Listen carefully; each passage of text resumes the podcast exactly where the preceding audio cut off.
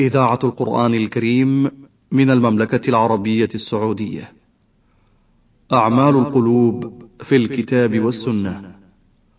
برنامج أسبوعي من إعداد وتقديم الدكتور عبد الله ابن وكيل الشيخ تنفيذ عبد الكريم المجحد.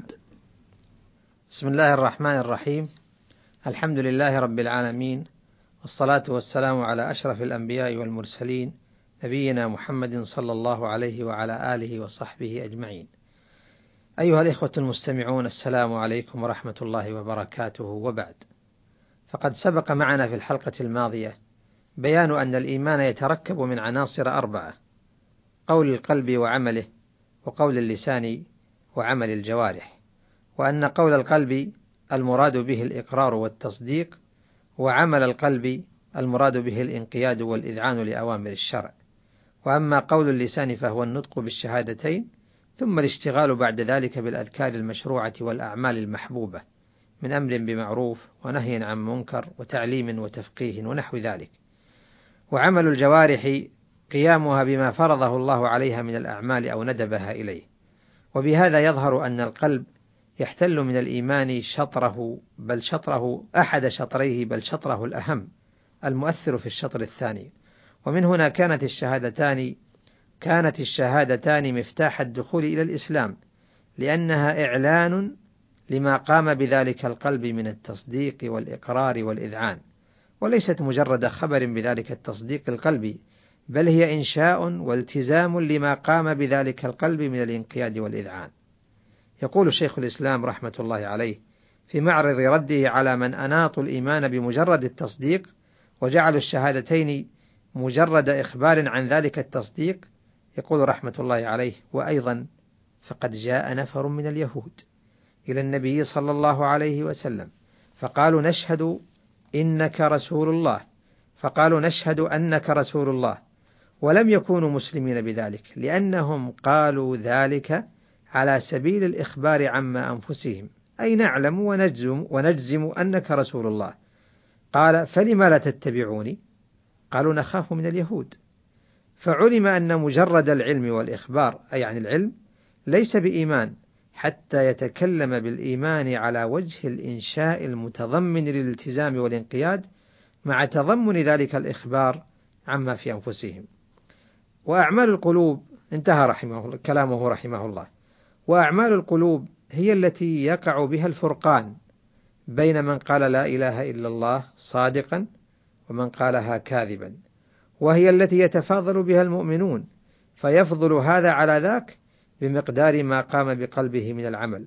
بل يفضل عمل الشخص الواحد في وقت عنه في وقت آخر بحسب صفاء قلبه وقوة رغبته ومتانة عزيمته. ومن أجل أعمال القلوب فضل أصحاب النبي صلى الله عليه وسلم على من جاء بعدهم مع أن المتأخر يشاركهم في نطق كلمة التوحيد لا إله إلا الله محمد رسول الله.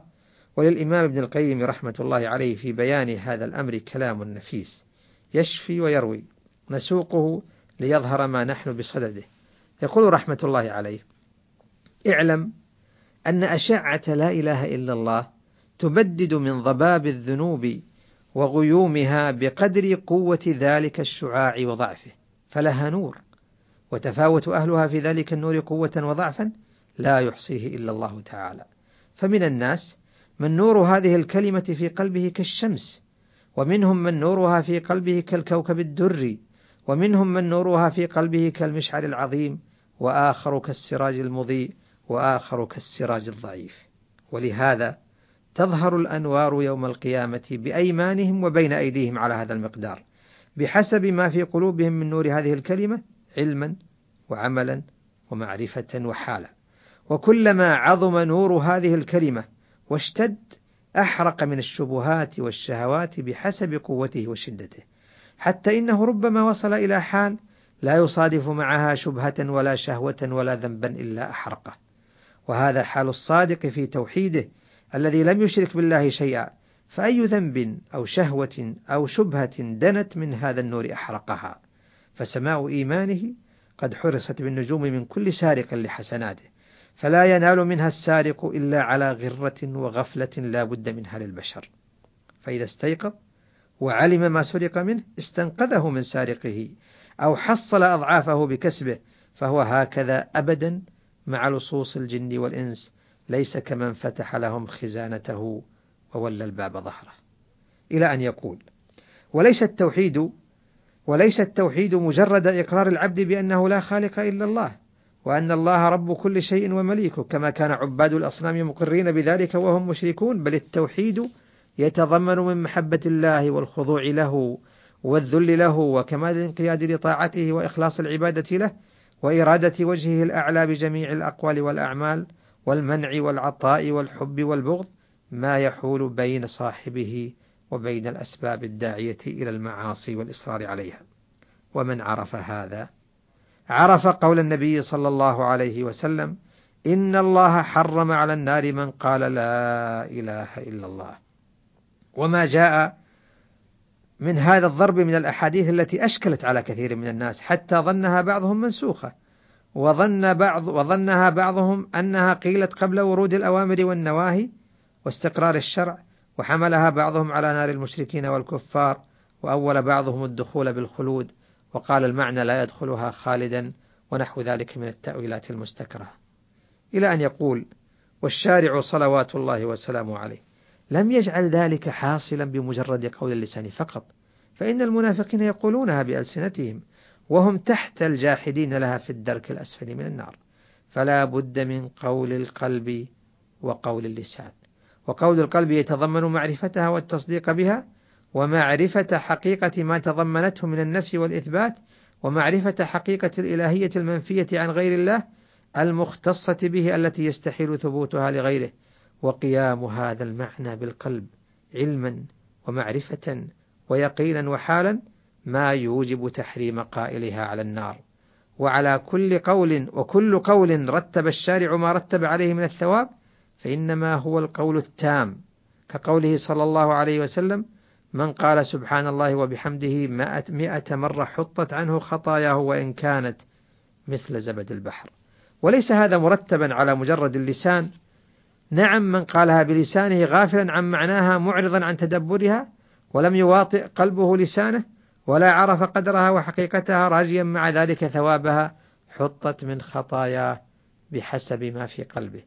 فتكون صورة العملين واحدة وبينهما في التفاضل كما بين السماء والأرض والرجلان يكون مقامهما في الصف واحدا وبين صلاتيهما كما بين السماء والأرض.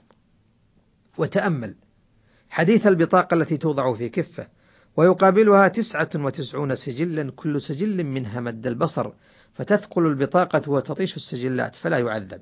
ومعلوم أن كل موحد له مثل هذه البطاقة وكثير منهم يدخل النار بذنوبه ولكن السر الذي ثقل بطاقة ذلك الرجل وطاشت لأجله السجلات لما لم يحصل لغيره من أرباب البطاقات انفردت بطاقته بالثقل والرزالة. إلى أن يقول وتأمل ما قام بقلب قاتل المئة من حقائق الإيمان التي لم تشغله عند السياق عن السير إلى القرية وحملته وهو في تلك الحال على أن جعل ينوء بصدره ويعالج سكرات الموت فهذا أمر آخر وإيمان آخر ولا جرم أن ألحق بالقرية الصالحة وجعل من أهلها. وقريب من هذا ما قام بقلب البغي التي رأت ذلك الكلب وقد اشتد به العطش يأكل الثرى فقام بقلبها ذلك الوقت مع عدم الآلة وعدم المعين وعدم ترائيه بعملها ما حملها على أن غررت بنفسها في نزول البئر. وملء الماء في خفها ولم تعبأ بتعرضها للتلف وحملها خفها بفيها وهو ملآن حتى أمكنها الرقي من البئر ثم تواضعها لهذا المخلوق التي الذي جرت عادة الناس بضربه فأمسكت له الخف بيدها حتى شرب من غير أن ترجو منه جزاء ولا شكورا فأحرقت أنوار هذا القدر من التوحيد ما تقدم منها من البغاء فغفر لها فهكذا الأعمال والعمال عند الله والغافل في غفلة من هذا الإكسير الكيماوي الذي إذا وضع منه مثقال ذرة على قناطير من نحاس الأعمال قلبها ذهبا. والله المستعان. نسأل الله عز وجل أن ينفعنا وإياكم. إنه ولي ذلك والقادر عليه. وصلى الله وسلم على نبينا محمد. والسلام عليكم ورحمة الله وبركاته. أعمال القلوب في الكتاب والسنة. برنامج أسبوعي من إعداد وتقديم الدكتور عبد الله ابن وكيل الشيخ تنفيذ عبد الكريم المجحد.